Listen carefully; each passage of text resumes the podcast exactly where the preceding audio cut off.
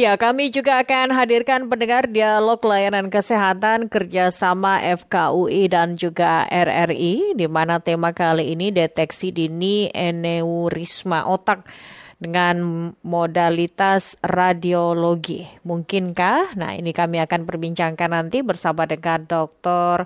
Rehan Edi Yunus SP Ratka MSC yang merupakan Departemen Radiologi. Nanti juga Anda bisa bergabung bersama kami pendengar dalam dialog kesehatan, baik itu di 0213844545, 3866712, 3862375, dan juga di 3523172. Dialog Kesehatan. Saya sudah tersambung bersama Dr. Rehan pagi hari ini. Selamat pagi dokter, salam sehat pagi hari ini. Selamat pagi, salam sehat. Ya, dokter pagi hari ini kita membahas mengenai deteksi dini aneurisma otak dengan modalitas radiologi. Mungkinkah? Namun sebelum kita jauh berbicara tentang hal tersebut, mungkin pendengar kita juga belum mengetahui lebih familiar ya tentang aneurisma otak ini sebenarnya apa, dok? Ya, baik. Uh, terima kasih, Mbak. Jadi, aneurisma otak itu kelainan pembuluh darah yang memang sering kali tidak diketahui oleh uh, pasien ya ataupun yeah. Iya. uh, orang ya. Ini hmm. akibat biasanya ini genetik uh, mbak penyebabnya. Hmm. Jadi kita nggak menyadari kalau misalnya dinding pembuluh darah otak arteri namanya ya yang yeah. ada di infra ke, uh, di kepala kita itu ada kelemahan. Hmm. Nah karena ada kelemahan ini dia itu bisa seperti balon melebar. Yeah kalau misalnya dia kayak balon semakin banyak isinya dalam hal ini darah ya. Yeah. Kalau balon kan semakin isi akan membesar terus mm -hmm. dan pada suatu waktu tertentu itu dia bisa pecah mm. gitu. Nah, sering kali nih pasien datang nih ke rumah sakit mbak yeah. karena uh, pembuluh darah pecah ini uh, dia datang dilakukan pemeriksaan seperti CT scan dan ada perdarahan di dalam mm. kepalanya. Mm. Nah itu yang sering kali mungkin kita ketahui namanya stroke. Ya, yeah. Stroke itu sebenarnya salah satunya bisa saja disebabkan akibat pecahnya uh, pembuluh darah atau yang namanya aneurisma ini. Mm. Gitu. Baik, itu itu yang dimaksud dengan aneurisma ya dok ya. Namun kalau kita bisa lihat, apakah ini cukup berbahaya untuk otak kita dok? Uh, betul, ini sebenarnya termasuk kegawat daruratan medis istilahnya Mbak. Yeah, yeah. Jadi kalau misalnya terjadi seperti ini, ini bisa sangat berbahaya dan bahkan menyebabkan kematian, yeah. begitu. Dan ini mungkin kalau de, de, tahu berita ya, mungkin kan sempat ramai kan kejadian salah satu artis yang masih cukup muda, itu uh, sampai memang uh, apa dilakukan operasi dan hmm. akhirnya butuh beberapa minggu untuk pemulihan gitu. Mm-hmm. Ya memang uh, cukup ramai beritanya terkait biaya pengobatannya tuh ya Mbak waktu itu. Yeah. Nah, uh, memang ini salah satu contoh kalau misalnya memang ya ini sangat rawan atau bisa terjadi di orang-orang usia muda dan aktif mm-hmm. begitu. Iya, dok. Kalau kita lihat saat ini memang deteksi dininya itu sudah bisa dilakukan dengan uh, radiologi atau sebelum itu ciri-cirinya yang mungkin masyarakat awam bisa ketahui bahwa ini harus saya periksakan nih seperti itu. Baik, ya terima kasih. Jadi yang perlu diketahui ini biasanya kalaupun belum nanti uh, kejadian seperti pecah ya pembuluh hmm, darahnya hmm, aneurismanya hmm. ini, yeah. itu mungkin pada uh, orang-orang ini pasien ini ada suatu gejala mungkin sakit kepala yang uh, berulang hmm. dan bisa saja makin berat yeah. dan tidak membaik uh, walaupun dengan pengobatan seperti uh, dengan uh, obat pengurang rasa nyeri hmm. ataupun obat dari dokter lain dan yeah. uh, dan Tanya mungkin awalnya ke dokter umum, hmm. baru mungkin dirujuk ke dokter spesialis saraf, yeah. dan jika memang pengobatan tidak um, memper, memperbaiki ya, baru hmm. mungkin dimintakan pemeriksaan radiologi atau imaging, Bu, Mbak. Hmm. Gitu. Hmm. Berarti dari sisi uh, ciri-cirinya yang paling awam itu adalah sakit kepala yang berkepanjangan, seperti itu, dok? Betul, betul. Hmm. Ini letaknya sebenarnya di mana sih, dok, kalau aneurisma ini yang ada di kepala kita? Baik jadi kalau misalnya yang paling sering itu kita bicara arteri ya, hmm. yang ada aneurisma ini. Jadi pembuluh darah yang berangkat dari jantung ke leher dia ke otak. Nah itu dia pergi untuk memberikan nutrisi, yeah. oksigen mm ke otak gitu. Nah mm. dari uh, leher ini ke kepala, pada yeah. saat dia masuk ke kepala itu ada namanya lingkaran Willisi itu, nama kayak lingkaran pembuluh darah mm yang menghubungkan sirkulasi dari uh, belakang dari posterior dan anterior dan nanti dia akan uh, menyebar ke seluruh bagian otak. Mm-hmm. Nah itu lingkaran Willis atau sirkulasi Willis ini merupakan bagian yang sering terjadi adanya aneurisma Yeah. gitu dengan mungkin anatominya ada beberapa daerah-daerah tertentu yang keras gitu. Nah Mhm. itu yang sering kali kita temukan kalau ada aneurisma. Baik, itu selain eh, penyebabnya mungkin karena genetik atau bawaan atau ada penyebab dari mungkin lifestyle atau seperti apa itu dok? Betul, jadi memang ada suatu yang mungkin masih dalam pe- penelitian juga ya. Jadi ada beberapa predileksi itu yang ternyata menghubungkan mungkin dengan adanya eh, apa ya gejala-gejala mungkin secara mungkin lab biasa ya adanya mungkin kolesterol tinggi atau dislipidemia, ada Iya. juga mungkin apa namanya gula darah yang tinggi yang menyebabkan dia eh, pembuluh darahnya itu lebih cepat rusak. Nah, Hmm. itu pada saat terjadi eh, proses seperti ini ditambah mungkin kelemahan dirinya sendiri dan salah satu eh, faktor yang menyebabkan pecahnya ini adalah hipertensi ya, tekanan darah Oke. tinggi. Hmm. Itu tuh nanti akan menyebabkan kegawat-daratan tadi itu, nanti pecah, Hmm, habis itu hmm. pendarahan di dalam otak ya ataupun dalam kepala. Dan itu cukup berbahaya kalau sudah pecah begitu ya dok ya? Betul. Jadi kalau misalnya sudah kejadian pecah, itu otomatis butuh o- operasi yang segera. Operasi yang segera ini bisa dua pendekatannya. Pendekatannya itu yang lewat dalam pembuluh darah atau namanya endovaskuler atau mungkin eh, de- tindakan radiologi intervensi namanya. Ya. Eh, kedua dengan pembedahan otak sendiri. Jadi kita kalau misalnya yang pertama itu secara minimal invasif kita masukkan semacam kayak kateter hingga lokasi aneurismanya dan kita tutup dengan coil atau eh, semacam eh, benda zat yang nanti akan membuat penutupan pembuluh darah di lokasi pecahnya aneurisma itu. Hmm, baik. Nah itu tujuannya memang eh, sebelum terjadi pembuluh darah yang menyempit karena dia ada gejala iritasi, Mhm. itu langsung ditutup biar nggak terulang bahwa pecahnya pembuluh darah di lokasi itu. Ya. Dan yang kedua dilakukan operasi terbuka itu tujuannya memang untuk eh, mengeluarkan darah yang ada biasanya gitu. Hmm. Kalau misalnya banyak dan menekan otak.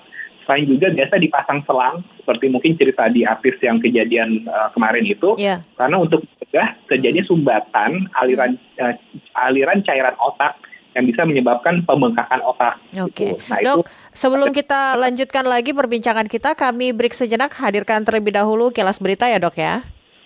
baik, terima kasih. Kilas Berita.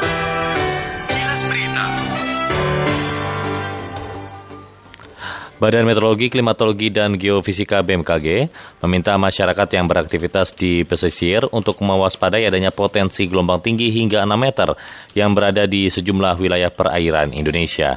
Disampaikan Kepala Pusat Meteorologi Maritim BMKG Eko Prasetyo mengatakan bahwa pola angin di beberapa wilayah Indonesia menjadi salah satu yang menyebabkan terjadinya gelombang tinggi pada tanggal 30 atau hari ini hingga di tanggal 31 atau esok hari. Untuk informasi ini dan informasi lainnya dapat diakses di laman resmi kami rri.co.id. Kilas Berita.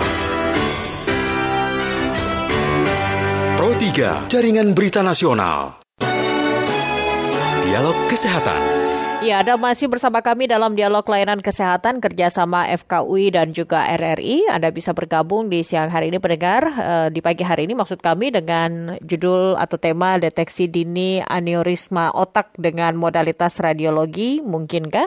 Ini yang kami perbincangkan di pagi hari ini bersama dengan Dr. Rehan Edi Yudus MSC Departemen Radiologi.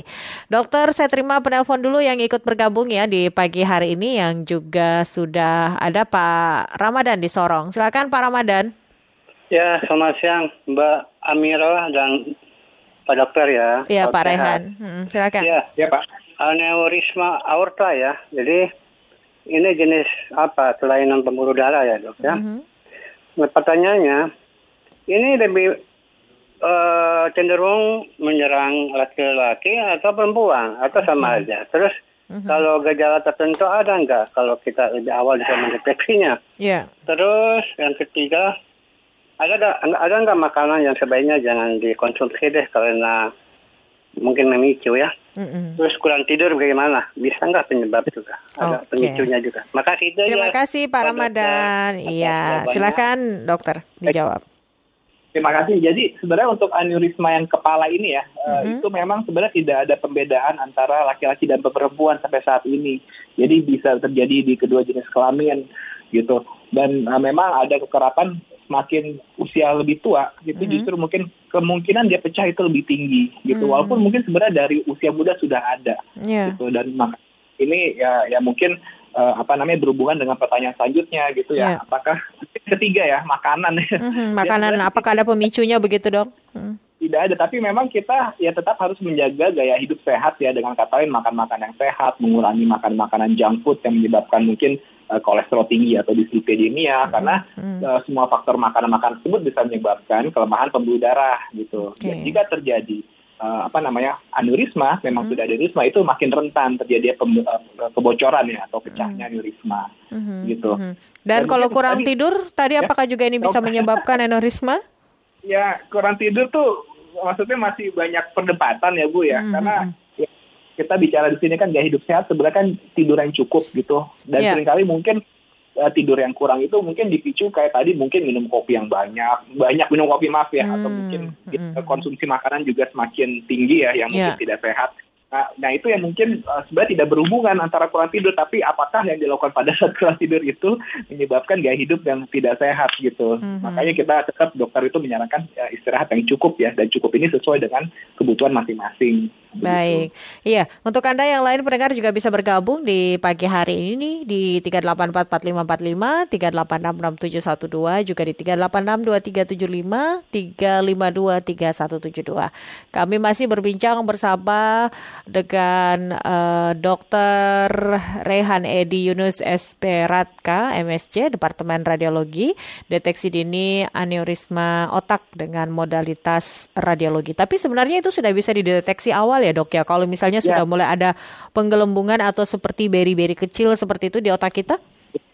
Jadi ini menyambut pertanyaan kedua para Ramadan tadi ya, Mhm, gimana sih cara deteksi ini? Ya. Jadi ini terkait memang nanti kalau sudah sampai ke dokter saraf dan mungkin sudah diobatin itu tidak membaik, Mhm. maka biasanya dokter saraf akan merujuk ke dokter radiologi ke eh, instalasi radiologi untuk dilakukan pemeriksaan CT atau MRI, Bu. Hmm, Jadi dengan CT MRI ini kita bisa mendeteksi dini kalau misalnya memang itu belum pecah dan itu bisa Hmm, kita tata laksana sebelum terjadi kejadian stroke perdarahan yang tadi saya bilang. Hmm. Jadi CT dan MRI ini mereka berdua bisa melakukan pemeriksaan namanya angiografi, Hmm. yaitu CT angiografi dan MR angiografi. Dengan CT angiografi kita bisa melakukan pemeriksaan dengan disuntikan kontras Ya. yang nantinya akan sampai ke pembuluh darah otak dan Hmm. itu bisa mendeteksi lokasinya terjadi aneurisma jika memang ada. Dan Mhm, itu bisa kita lakukan treatment segera yang tadi sebelum terjadi kebocoran. Iya. Yang kedua, MRI atau MR angiografi ini justru memiliki keunggulan karena dia Hmm. tidak perlu kita suntikan obat kontras ke eh, ke